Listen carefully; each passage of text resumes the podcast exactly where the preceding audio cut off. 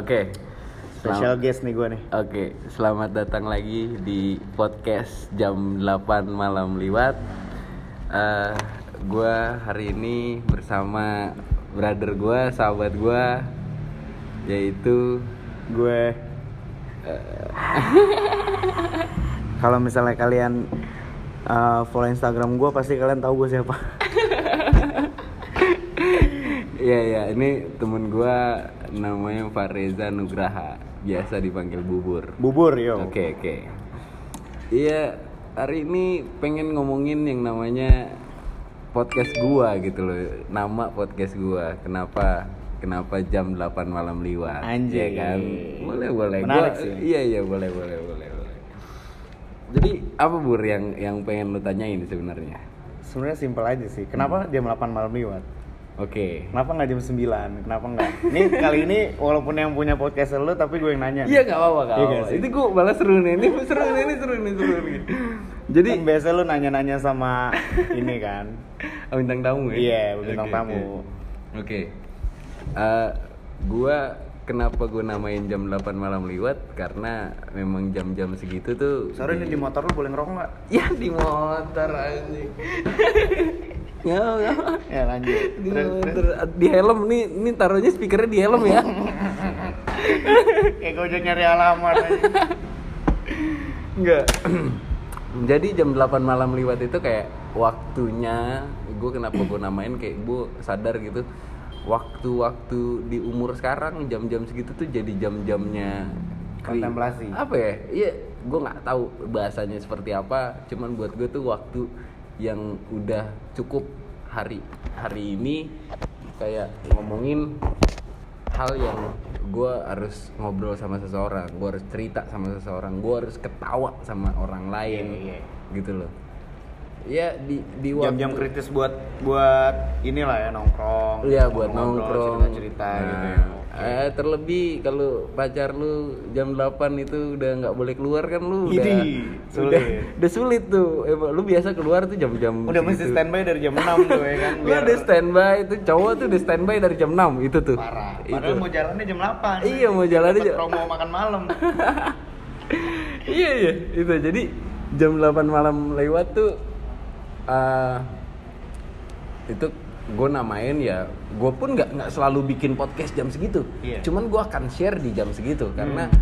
gue gue gue yakin lah nggak setiap hari lu udah jam 8 malam lewat tuh setiap hari tuh lu udah nongkrong udah mana cuman Betul, betul, betul. pasti Udah- lu ada waktunya gabut nah Iya. nih gue kasih nih Iya, iya, gue kasih iya, buat iya. lu dengerin ini nih gitu Karena loh. kalau gue sih biasanya emang kalau di jam 8 tuh udah haram lah jalan jalanan tuh udah Bener. haram tuh. Lu pasti dari Iya sebelum kan? itu kan udah lu jam 8 tuh harus udah keluar. Iya. Ya kan jam 8 lewat tuh lu harus udah keluar karena lu pasti sekalipun gak ada yang nggak ada yang ngajak lu ngapa-ngapain. jalan, pasti lu udah ngabarin duluan nih. Misalkan Hmm. kayak hari ini gua nggak tahu nih mau ke mana.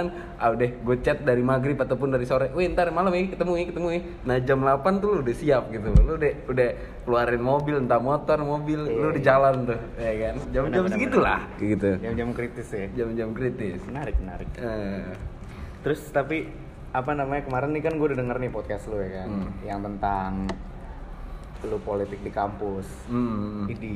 Itu di, di podcast temen gue tuh, tapi nggak apa-apa. Iya di podcast temen Iya, lo iya, kan, iya. Hmm. yang lu share ke gue. Hmm. Nah menarik tuh buat gue karena eh, ingat kemarin kita habis pilpres ya kan, Ah. ada Ah. korelasinya juga tuh ya kan. Iya, kan iya. lu bilang juga politik nasional sama politik waktu di kampus juga ada lah gesekan-gesekannya kan sama aja tuh. Iya kan. real, real, real. Menurut lu gimana tuh? Gimana tuh? Pendapat lu ya, pandangan lu? Buat berbicara politik di kampus sama di nasional saat ini, ya ah, buat gue gini ya. Gue agak jadi bingung takutnya nanti di, di gue belum pernah nyeritain gue mungkin pendengar yang di podcast gue doang belum pernah dengerin yang di podcast gue di temen gue gitu Iya. loh jadi jadi gue ceritain jadi real bener-bener sama pot apa eh, konstelasinya Ah. istilahnya politiknya tuh bener-bener sama dibilang ada partai partai banyak di kampus Iya. gua dibilang di nasional partainya juga banyak banyak juga gitu loh nah terus eh, yang gue pengen bahas mungkin di di pilpres kemarin ini buat gue uh, gue karena gua lo apa tuh di di pilpres so far ya walaupun si KPU belum ngeluarin ini kan belum ngeluarin ketetapan siapa yang menang Hmm. Belum belum ada konferensi pers juga tentang hal itu gitu Hmm. pendapat lo gimana tuh Jadi eh, saling klaim boleh sebelum sebelum ada hasil keputusan dari KPU. Waktu di kampus pun kayak gitu. tujuan apa sih tuh maksud lu saling klaim Saling Menurut saling klaim karena iya. kan karena kayak misalnya gue bilang gue menang gitu terus kubu sebelah juga bilang mereka menang Oke. gitu. kan kayak tujuannya apa sih? Apa ngebluff? Apa Ah, karena mungkin. menurut gue menurut gue itu bakal ngebawa ngebawa mindset orang tuh ke arah negatif gitu. Hmm. ya gak sih? Karena udah ngelihat pemimpin yang ngeklaim gue menang gitu. Nanti pas keluar hasil pemilu dari KPU ternyata kalah pasti kan pemilu si ibaratnya loyal, loyalty loyalty partai nih anjing Nah, kan nah itu buat gue jadi kenapa akhirnya sekarang saling klaim? Karena mau melihat loyalty dari pendukungnya masing-masing. Hmm. Prabowo Prabowo klaim menang duluan karena Iya. dia karena mau bikin biar tambah semangat pendukungnya Iya. gitu loh apalagi sebelum sebelum Prabowo eh, ngeklaim menang itu di kubu Prabowo udah ada narasi kalau gua nggak menang berarti lawan gue curang dan Iya. dan gue nggak akan ngegugat ke MK tapi gua akan SIJ tuh dia ngasih people power itu kan yang si adenya juga ngomong tuh mau ke Iya, international Court itu Justice. itu agak jadi ini sih, jadi jadi jadi bakar semangat para Iya. pendukung jadinya gitu. Kenapa akhirnya Prabowo ngeklaim menang ya? Itu yang yang yang pengen Prabowo lakuin bahwa bener kan eh, apa yang gue bilang, gue harusnya menang dan ditambah dengan kondisi sekarang di Twitter, di Instagram banyak kecurangan-kecurangan yang Iya tuh, gua dilakuin juga- sama juga- kubu se- kubu sebelahnya Iya, gitu. gue juga nyaksin tuh di di Twitter di Instagram gue ngeliat banyak banyak simpatisan lah yang yang ngepost tentang kecurangan-kecurangan di pemilu ini kan. Nah, itu itu gue bilang klaim menang yang dilakuin sekarang mungkin Jokowi nggak terlalu Jokowi udah pidato kemenangan juga, tapi nggak terlalu eh, Bergelora terlalu gitu. barbar, nggak Iya. terlalu bergelora gitu sama dengan Prabowo. Ya Prabowo ngelakuin itu karena mungkin di balik karakternya dia yang meng- menggelora Militan, kayak ya gitu, militan.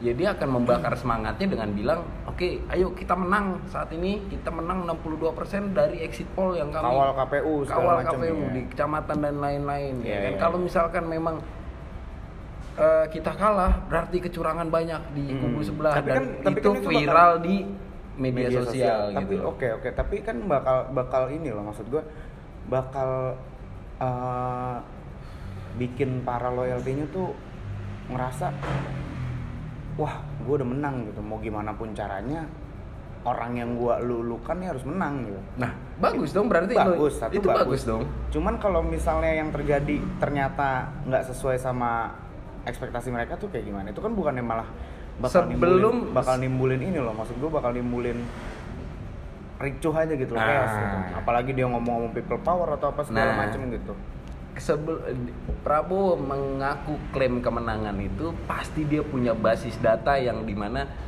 dia nggak perlu ungkap kecurangan itu dibawa ke Bawaslu tapi dia menggunakan itu memviralkan sekarang siapa yang bisa yang bisa eh, apa kalau mungkin kubu Prabowo bilang kalau gua gugat ke Bawaslu tentang kecurangan itu entry data yang dimasukkan C- C1 entry datanya juga memenangkan Jokowi mungkin sulit untuk ditindaklanjuti. Prosesnya akan butuh waktu lama. Iya. Tapi lebih baik gue memviralkan itu biar orang ngerasa bahwa biar loyalty-nya Prabowo ngerasa bahwa gue beneran menang kok. Ini buktinya banyak kecurangan. Nggak usah gue bawa ke KPU nggak usah gue bawa ke Bawaslu ah oke jadi dia pengen dia ibaratnya pengen uh, nimbulin mindset pada orang-orang yang dukung dia kalau uh, kita tuh udah menang kita tuh udah mesti udah mesti jaga jaga border nih untuk Hmm. masing-masing KPU kecamatan di kecamatan di Iya. daerah segala macam gitu untuk Hmm. untuk uh, biar nggak ada lagi kecurangan gitu kan Hmm. tapi kan yang yang selama ini gue lihat di media sosial gitu-gitu yang viral justru malah apa namanya Kecurangan-kecurangan kecurangan yang TPS harusnya kan? iya C1-nya misalnya Prabowo 100, Jokowi 50 gitu. Tapi Eh. malah si Prabowo jadi 60, Jokowi 100 gitu. Ya. Kebalik-kebalik gitu. Sebenarnya sih ya tanda tanya juga sih buat gue orang sebagai orang awam gitu ya yang nggak ada Tapi oke, gua gua masuk di di di ranah ini. Eh, pertanyaannya gue balik gitu loh. Lu sebagai lu sebagai warganya aja deh itu. Mungkin gini. Lu lebih pilih menempuh jalur hukum apa lu memviralkan sesuatu? gue sih kalau misalnya ngeliat kondisi yang sekarang sih enakan memviralkan sesuatu sih Jadi lu nggak karena lu kenapa lu akhirnya milih di memviralkan sesuatu?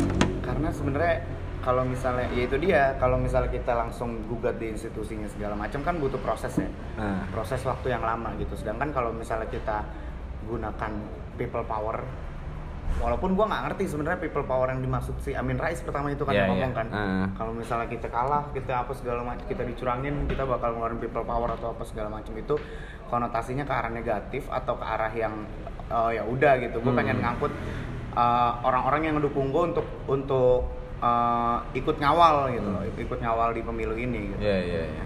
jadi sih sebenarnya kenapa gue lebih milih viral karena itu lebih berasa aja langsung langsung ke personnya gitu. Langsung ke loh. Person ya. misalnya ke institusi kan kayak bisa aja gue lupa untuk ngupdate perkembangan eh, apa namanya tuh Kayak perkembangan males gugatannya udah berbelit ke mana sih iya. Males berbelit-belit prosesnya gitu loh. Betul betul.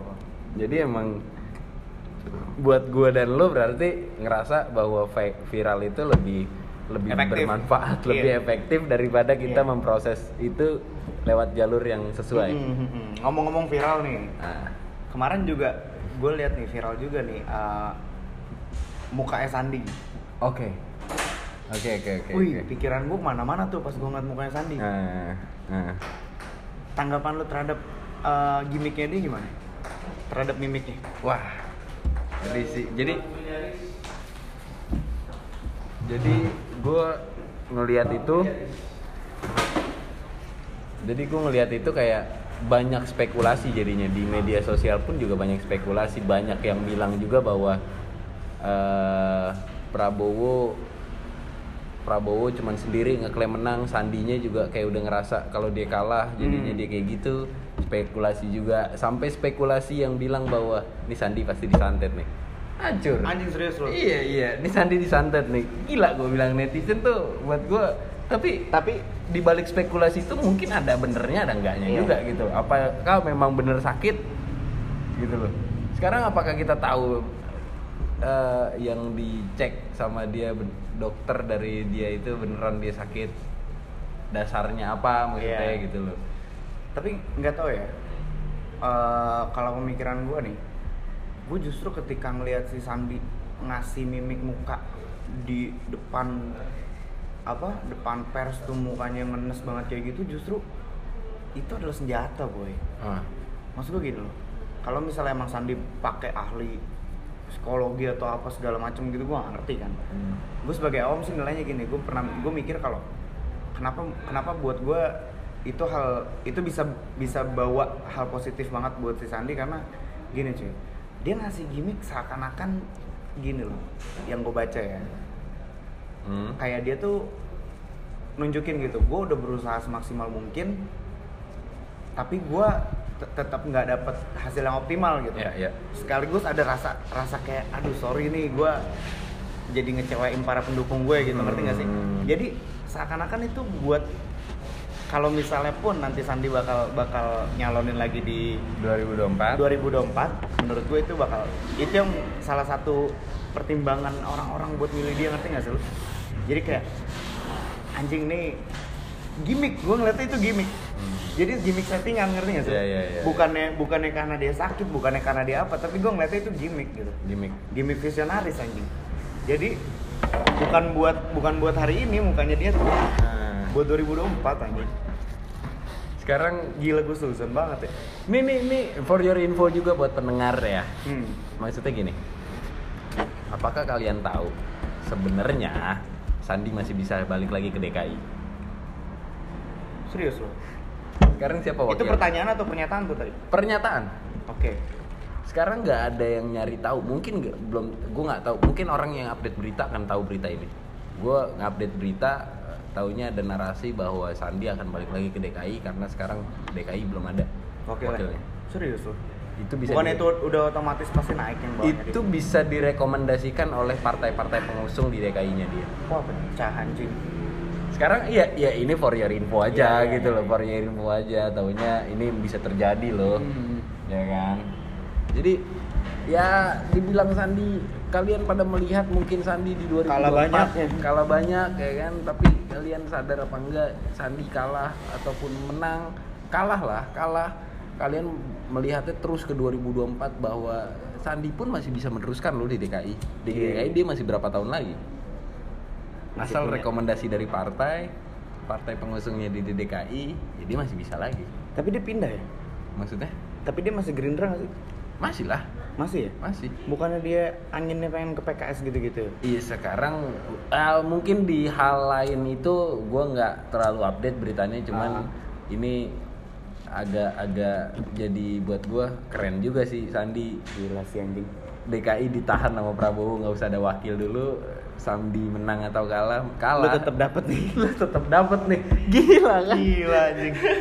iya iya iya Jabatannya nggak hilang. tuh. jabatan tuh nggak hilang wagub DKI tuh nggak hilang sekarang siapa for your infonya siapa yang yang emang sekarang udah Gantiin. gantiin Sandi nggak ada belum ada nama-nama yang keluar aja belum ada sekarang banyak yang dari PKS bilang bahwa Aher atau Ahmad Saiku atau Mardhani Alisera dari PKS tuh. Sekarang kalau misalnya Gerindra mau Sandi bisa diusung lagi. Wah gila. kalau mau ya kalau Gerindra ya. Kalau Gerindra mau ini bisa diusung lagi. Jadi sebenarnya sih dia nggak kalah-kalah banget ya. nggak kalah-kalah banget nggak kalah-kalah banget. Ini balik lagi ke personnya aja kalau misalkan emang Sandi mau ya udah. Dan Gerindranya nggak malu ya udah jalan lagi. Iya iya iya iya. Iya iya. Gila sih. ya jadi memang kalau pasti kalian ngelihat antara klaim pemenangan antara Prabowo dan Jokowi pasti pasti nyari tahu lah kenapa kok bisa saling klaim dan kenapa kok Tujuannya akhirnya apa? ya quick count juga dipertanyakan ya kan ya akhirnya dasarnya juga tahu semua Iya sih. quick quick count itu cuma mengambil sampel dari beberapa TPS TPS di Indonesia ada 809 ribu sekian. Quick count itu cuma ngambil 5000 TPS di beberapa provinsi. Dan itu menunjukkan bahwa quick count itu kredibel Oke. kredibel karena mengambil sampelnya cuma mengambil sampel gitu loh. Cuma mengambil sampel nggak menghitung real count. Kalau KPU yang lembaga resminya kan nanti real count. Nah, bisa aja bisa kenapa akhirnya Prabowo ngeklaim menang? Bisa aja quick count lembaga quick count lembaga survei Indonesia itu mengambil sampel dari kantong-kantong suaranya Jokowi bisa jadi Oke. ya kan Nggak, itu tapi bisa juga, terjadi Tapi juga menurut gue gini loh. Mau dia bilang, mau dibilang nggak usah percaya sama quick count apa segala macam, nggak nggak bakal ngebawa ke mana-mana gitu toh. Yang nanti bakal bakal bener-bener secara legitimasinya bisa ngeluarin eh, keputusan siapa yang bakal jadi eh, RI 1 sama RI 2 nya kan KPU gitu. loh. Hmm. Ya nggak perlu, ya udah aja gitu lo nggak perlu pusingin anjing quick count sebenarnya. Iya emang, Iya emang memang iya makanya Prabowo nggak nggak Prabowo terserah Prabowo lah maksudnya dia mau ngeklaim menang berarti emang dia punya data tersendiri gitu loh. Berarti mungkin yang sampelnya dia sampel Yang dari kubu dia. kubu dia bisa jadi eh, Prabowo ngerasa bahwa sampel yang diambil oleh lembaga survei itu diambil dari kantong suaranya Jokowi di daerah-daerah mana gitu loh ya. Mungkin di Bali di Bali nggak mungkin lah Prabowo menang anjing. PDI, PDI kantong gila suaranya kan gila. gila di sana. Jawa Bali Tengah merah semua gitu. ini.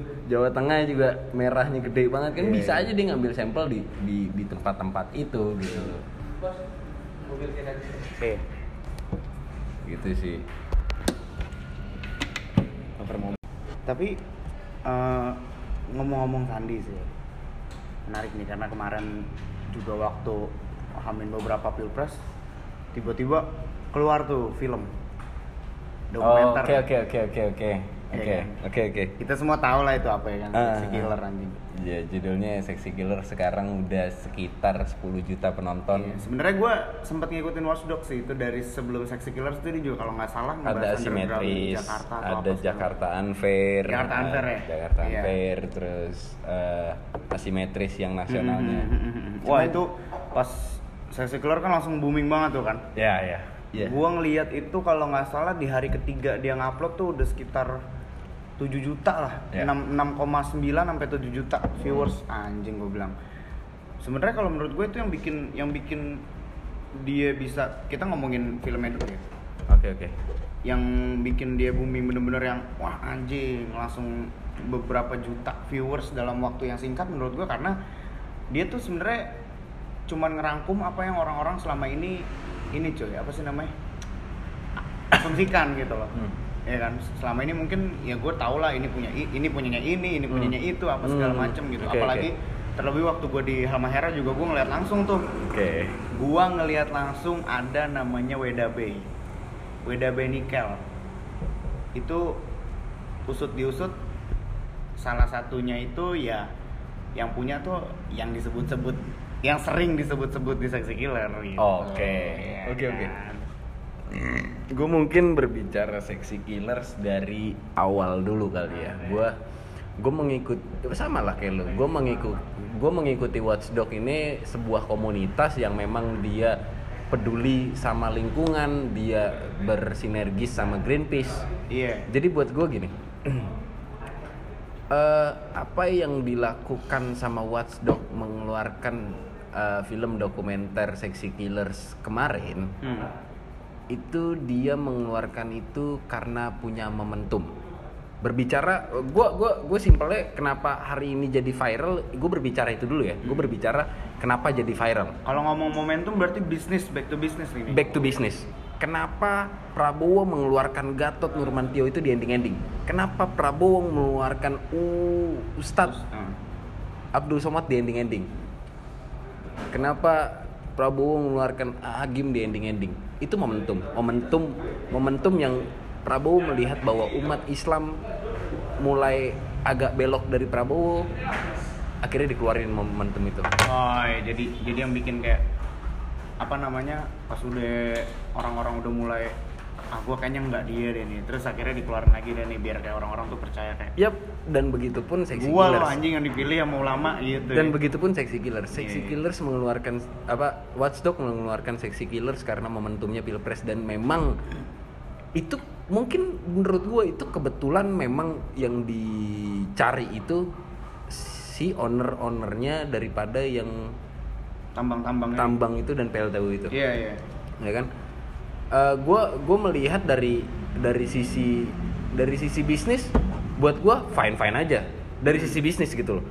Sekarang lu jadi Sandiaga pun juga lu nggak melihat hal itu nggak melihat dampak lingkungan terhadap itu yang yang terpenting kan apa kalau bisnis? Ya uang keuntungan meraup keuntungan ya iya kan? Sebanyak banyaknya Iya kan.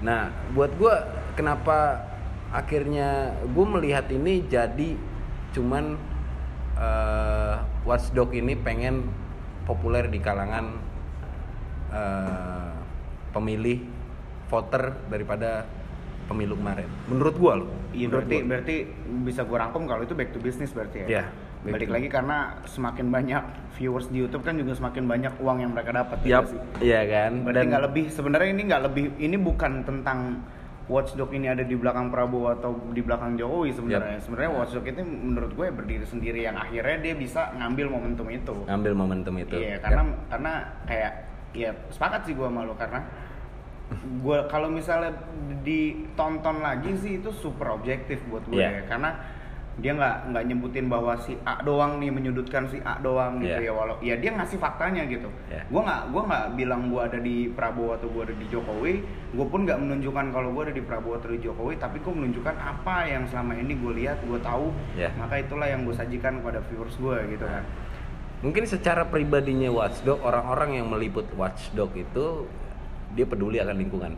Sekarang apa yang sudah apa yang sudah Watchdog berikan kepada kita tentang film Sexy Killer? Apa yang kita maksudnya gini? Oke, semua viral. Ya Bur ya, gini Iya, gini gini. iya. Yang gue pengen bahas gini. Sexy Killer viral eh, Sexy Killers viral akhirnya viral itu dikeluarkan oleh Watchdog hmm. dan disebutkanlah orang-orang di balik eh, di balik yang Iya. eh, Watchdog liput Iya, iya. gitu kan perusahaan-perusahaan besar. Itu membahas tentang listrik. Oke. sekarang yang menonton Watchdog yang menonton Sexy Killers apa yang sudah kalian lakukan? Apa yang kalian sudah resapi simple itu Iya. buat gue simpel itu gue nggak peduli gue nggak peduli gue nggak peduli eh, dibalik mana. orang-orang itu siapa gue dibalik orang-orang itu siapa cuman gue lebih peduli apa yang sudah Kalian lakukan. apa yang sudah gue dapat dari tontonan itu dan apa yang sudah gue lakukan setelah nonton itu Oke. itu sih lebih ke simpelnya ke situ bro jadi jadi buat gue orang yang sekarang apa memviralkan membahas tentang sesi killer memviralkan tentang sesi killers nah buat gue lu cuma membahas doang tapi penggunaan listrik lu masih kayak gitu, Iya, iya, terus iya, gitu loh paham, paham, jadi buat gue ya lu menguntungkan terus Iya iya. kan simpelnya gitu Iya. Lagi juga sebenarnya sih yang yang jadi kan maksudnya gue juga beberapa kali diskus sama temen gue juga kan tentang hal ini gitu. Dan kebetulan ada temen gue yang yang pro lah, bukan pro sih bilangnya. Ya maksudnya mempertanyakan gitu, mempertanyakan lebih kayak ya terus kenapa kalau ada PLTU gitu emang harus emang udah harus dibangun gitu loh.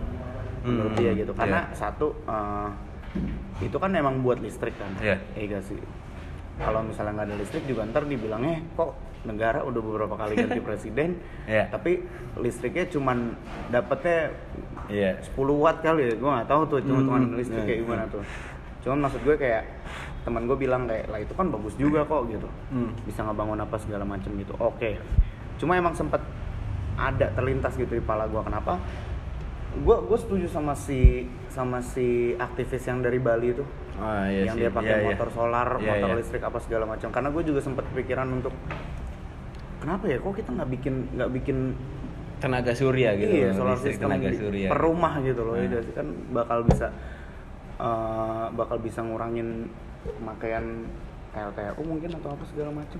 Cuma itu balik lagi bro. Maka dari itu kenapa orang memviralkan itu karena dia cuman pengen ngasih tahu doang ke orang-orang bahwa di balik film itu banyak orang-orang Iya, jadi- jadi salah. jadi Jadi jadi, salah, salah. cuman Heeh. sekedar diskusi kan jadinya Iya. cuman sekedar pengen Iya. ngasih info ke orang-orang lain kan Iya, Makanya- sebenarnya menurut gue tujuannya bukan itu anjing. tujuannya tuh pengen ngasih tahu ke kalian bahwa Lingkungannya lagi bahaya banget lah, bukan bukan orang-orangnya ini. Iya iya, lingkungan lagi bahaya dan penggunaan listrik lu udah terlalu gede buat Iya. gua. Lu karena menurut gua kalau namanya kalau misalnya kita concern ke orang-orangnya siapa yang ber, siapa yang paling eh, siapa yang paling apa involved dengan bisnis ini tuh itu nggak efektif buat gua karena ya toh lu tetap tetap nggak ngubah nggak ngubah manner lu gitu Hmm. sebagai pengguna listrik atau yang segala macemnya gitu padahal kan sebenarnya pesannya kan biar kayak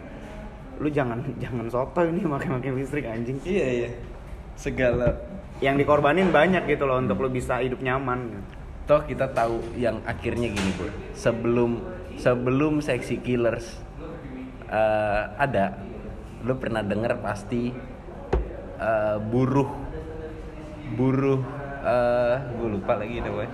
Oh buruh Uniqlo Oh, yang nggak dibayar. menuntut kepada Uniqlo di Denmark. Iya. Ya kan? Lo maksud gua lo aware gak sih? Maksudnya buat pendengar ya, buat pendengar buat kalian deh Iya. yang yang yang yang nganalisis yang membahas seksi killer itu parah. Sekarang kalian tahu gak sih ada buruh yang datang ke Uniqlo di soft launchingnya Uniqlo di Denmark itu jadinya gimana gitu buruh seorang buruh yang dia mengerjakan produk baju kita yang Iya. kita pakai ini tapi itu produk yang kita pakai itu si Uniqlo nggak membayar ke buruh itu. Iya iya iya iya. Ya maksudnya kalian semua involve gak sih? Maksudnya kalian aware gak sih dengan dengan hal itu?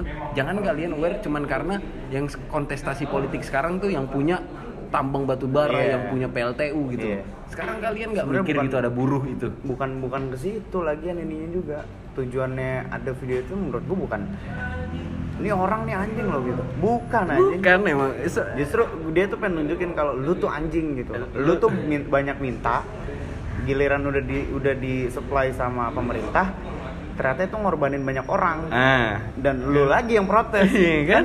Cek lima ya kan di, di awalnya aja kan udah udah kelihatan gitu loh kayak penggunaan listrik lo orang yang lagi bulan madu kan penggunaan listriknya buka kulkas berapa watt Iya. masak nasi berapa watt pakai casan berapa watt itu kan kayak ngasih tahu bahwa penggunaan listrik lo itu Iya. lu udah over Iya, gitu bukan bukan perihal kayak pengusaha ini bangsat, pengusaha itu bangsat. Enggak. anjing. selama selama lo pakai listrik selama itu juga orang-orang yang disebutkan di dalam seksi killers itu untung Iya. iya. Iya gak sih? Iya gak sih? Selama itu juga dia untung. Selama selama Uniqlo nggak membela nggak selama lo beli brand Uniqlo, selama itu juga banyak buruh yang nggak dibayar. Iya. Iya sih. Dan itu buruh Indonesia loh. Saudara lo sendiri bahasanya gitu ya. Bahasanya satu kaum Satu satu bangsa. kulit sama lo. Lucu sih memang sih. Ya berbicara berbicara, gue menarik kemarin ada seksi killers dan gue juga merasa bahwa kok kayaknya anak muda sekarang perlu deh membahas detail seperti seksi killers Iya. itu. Gue ngambil sama hal kayak gitu sih. Gua Karena lebih- menurut gue bukan bukan cuman bukan cuman apa listrik aja sih yang yang bisa bikin kerusakan lingkungan sampai kayak gitu ya. ya. Menurut gue banyak hal lain yang mungkin kita nggak aware gitu terhadap hal kecil gitu kayak. Ah. Sekarang kalau misalnya dibilang untuk ngomongin lingkungan gitu ya, kayak kita pasti sendiri sering nyaksiin deh. Nggak usah jauh-jauh lah, kita ke Pulau Seribu aja lah. Pulau Seribu, lu naik kapal, nah kodanya yang notabene dia nyari duit di laut, dia buang sampah ke laut anjing. Ya kan? Eh udah kayak gitu. Iya sih? Ah, benar, nelayan benar. nih, nelayan yang kalau misalnya ikannya nggak ada dia protes, dia buang sampah ke laut anjing. Ah. Parah lu. Iya, dibilang dibilang kalian kesel dengan eh, hal-hal merusak lingkungan, balik lagi ke diri kalian Iya. sendiri gitu loh. Apa, Apa yang yang udah dilakuin apa yang kalian bisa berikan, apa apa yang kalian sudah bantu negara ini untuk tidak merusak lingkungan. Lebih ke situ sih. Iya. Gitulah. Iya sih sebenarnya sih saya killers memang kalau dirunut-runutin memang ya nggak bisa dipungkiri mereka tuh penggiat sosial di bidang lingkungan ya gak sih. Jadi udah pasti banget pesannya untuk lingkungan gitu, bukan untuk politik atau apa segala macem jauh itu. Nah mungkin mungkin gue menarik Bur, gue membahas seksi killers dari oke kalian menonton seksi killers dari sisi dunia listrik, dunia tambang batu bara. Kalian tahu apa enggak bahwa di lain sisi ada yang disebutkan seksi killers juga yaitu mungkin mungkin bukan dalam hal listrik gitu, Hmm. cuman dampak lingkungannya ada juga yang lu pernah ngebahas tentang kelapa sawit gitu, Oh, coba lu- iya, lu iya. share tentang kelapa sawit itu gimana kelapa Iya, sawit? sama sih karena kan gue juga apa namanya pokoknya tuh intinya eh, kayak setahu gue sih ya gue juga nggak pernah gue juga nggak pernah jadi pelaku usaha untuk kelapa sawit ya Benar, benar, benar. Cuman lu mendalami tentang kehutanan kehutanan gitu kelapa sawit ya, itu iya, kan. Coba perkebunan apa Iya, segala iya. macam gitu gue sempet sempet nanya-nanya ya kan Hmm. jadi tuh ternyata tuh itu tuh pohon gue mungkin positifnya ya dia bisa bikin minyak gitu Ah. Cuman negatifnya yang gue tahu ya itu dia bisa ngerusak ngerusak tanahnya gitu. Jadi setelah lu nanam kelapa sawit di situ udah tuh hancur tanah lu. Gitu. Lu mau nanam apa lagi ya sulit gitu. Makanya kayak sebenarnya di di dunia kelapa sawit juga kenapa dia kenapa dia sering banyak yang nolak ya karena itu gitu. Karena setelah nanti tanahnya ditanamin kelapa sawit, wah hancur tuh kering apalah segala macam gitu. Secara agraris gue gak ngerti ya. Cuman sih yang gue tahu kayak gitu gitu makanya kenapa orang-orang daerah tuh menolak gitu perusahaan-perusahaan gede kena kelapa sawit gitu cuman ya mau gimana balik lagi kalau misalnya udah pegang izin mau ngomong apa ya kan Ya. kayak gue gue bisa aja gitu setelah misalnya misalnya gue dapat project untuk land clearing gitu lah let's say. Gue land clearing abis gue land clearing gue bikin kelapa sawit gitu bisa aja gitu. Cuman kan apa namanya sebenarnya kalau untuk ngomongin cuma kelapa sawit yang beberapa puluh tahun itu nggak ada tai-tainya sama lo ngasih kesempatan buat orang-orang lokal situ jadi petani gitu. Benar. yang untungnya bisa bisa lebih dari 10-20 tahun gitu. Hmm. dan terus berkesinambungan gitu dan pasti berpengaruh juga sama swasembada negeri kan. Hmm.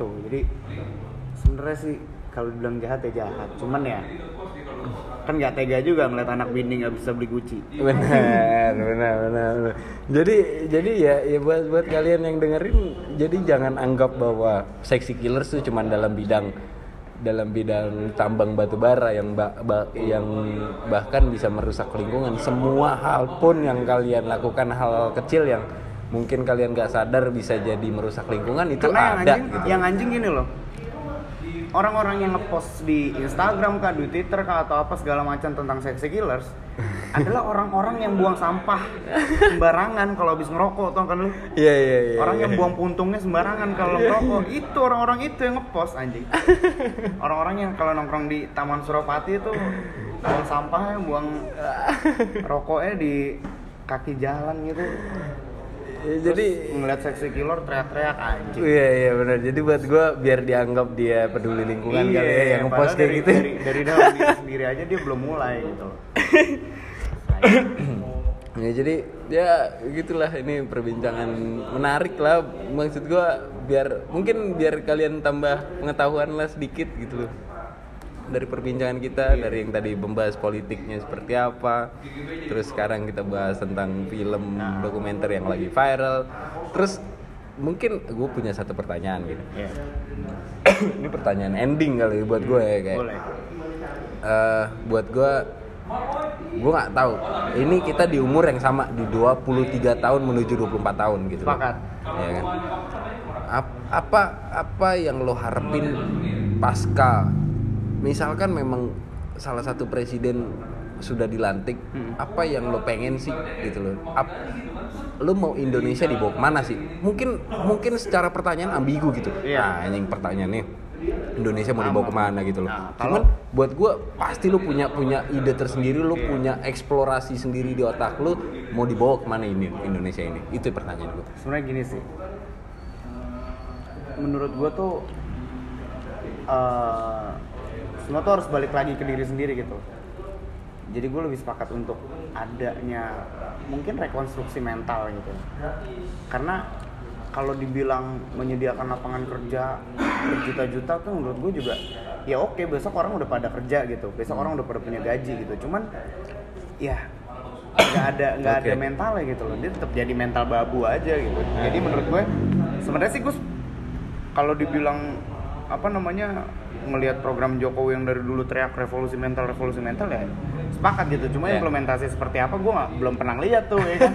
Apakah ada satu kementerian yang yang apa namanya mewadahi gitu untuk untuk uh, controlling di mental gitu. Kan karena mental kan sulit gitu loh. Iya gak sih? Person per, by person gitu nggak bisa nggak bisa lu nilai karena ekonomi naik atau apa segala macam enggak anjir. Mental kan lebih ke diri sendiri gitu. Dan menurut gue itu penting banget sih gitu untuk pertumbuhan di Indonesia gitu untuk peningkatan pertumbuhan SDM ya. Karena ya gue nggak bilang SDM di Indonesia bodoh-bodoh gitu. Cuman kita kalau kita lihat bisa dibilang nggak seimbang aja gitu sama SDA-nya gitu. Oke. SDA-nya yang kaya banget cuman orang-orangnya mungkin punya mental yang eh, ibaratnya disogok dikit sama bule ya kan? Ketemu bule dikit atau ketemu orang asing dikit. Hmm. dikasih duit. Nih udah lo nggak usah ngapa-ngapain pakai nama lo tapi ya. Ini gue yang ngeruk tapi lo nggak usah ngapa-ngapain udah santai aja. Gue kasih duit lo tiap Hmm, bulan. Hmm. ya udah Ya. gitu loh. Tapi sebenarnya itu kan efeknya panjang gitu kan. Efeknya panjang, nah menurut gua mental mental itu sih yang mesti diberantas gitu, yang mesti di diubah gitu loh. Dan itu PR yang gila sih. Kalau untuk buat apa namanya presiden terpilih nanti gitu Jadi- karena kalau kalau ngomongin buka lapangan kerja atau apa segala macam anjing. Paling itu tuh kalau kerja tuh kalau kata Robert Kiyosaki anjing. Oke. Dia bilang tuh kerja tuh cuman short term solution gitu. Short term. Iya, jadi tuh cuman boleh, kayak solusi pen, jangka pendek aja gitu. Hmm. Bukan buat lu solusi jangka panjang anjir. Kalau solusi jangka panjang ya mungkin lu bikin apa kayak usaha apa segala macam, cuman kayaknya belum kuat aja mentalnya gitu untuk gagal anjing. Jadi apa yang jadi lu lu berharap melihat Indonesia ke depan itu seperti apa? Mentalnya baik sih. Oke, simple. Ini Simple sih. ini ini statement penutupnya bubur Iya. yang gua akuin. Oke, ini gila. Mental Menurut gua, baik sih. Mental baik. Wah, itu luas. Itu Iya, luas. Itu iya. luas. Itu luas buat Iya, gua. parah, parah. Asli asli itu luas banget buat gua. Gua Gua- juga. gua- gua ibaratnya- cernanya juga agak wah jing. Iya. Mental tuh wah ya ya ya. Gua boleh, boleh, ngeliat, boleh. Bukan nggak mau ngeliat sih, cuman gua paling nggak bisa meminimalisir orang-orang miskin yang ngomonginnya duit mulu gitu loh. Oke oke. Udah miskin ngomongin duit, Sepakat. sulit padahal kan. Sepakat sepakat. Jangan sepakat. duit yang diomongin anjing.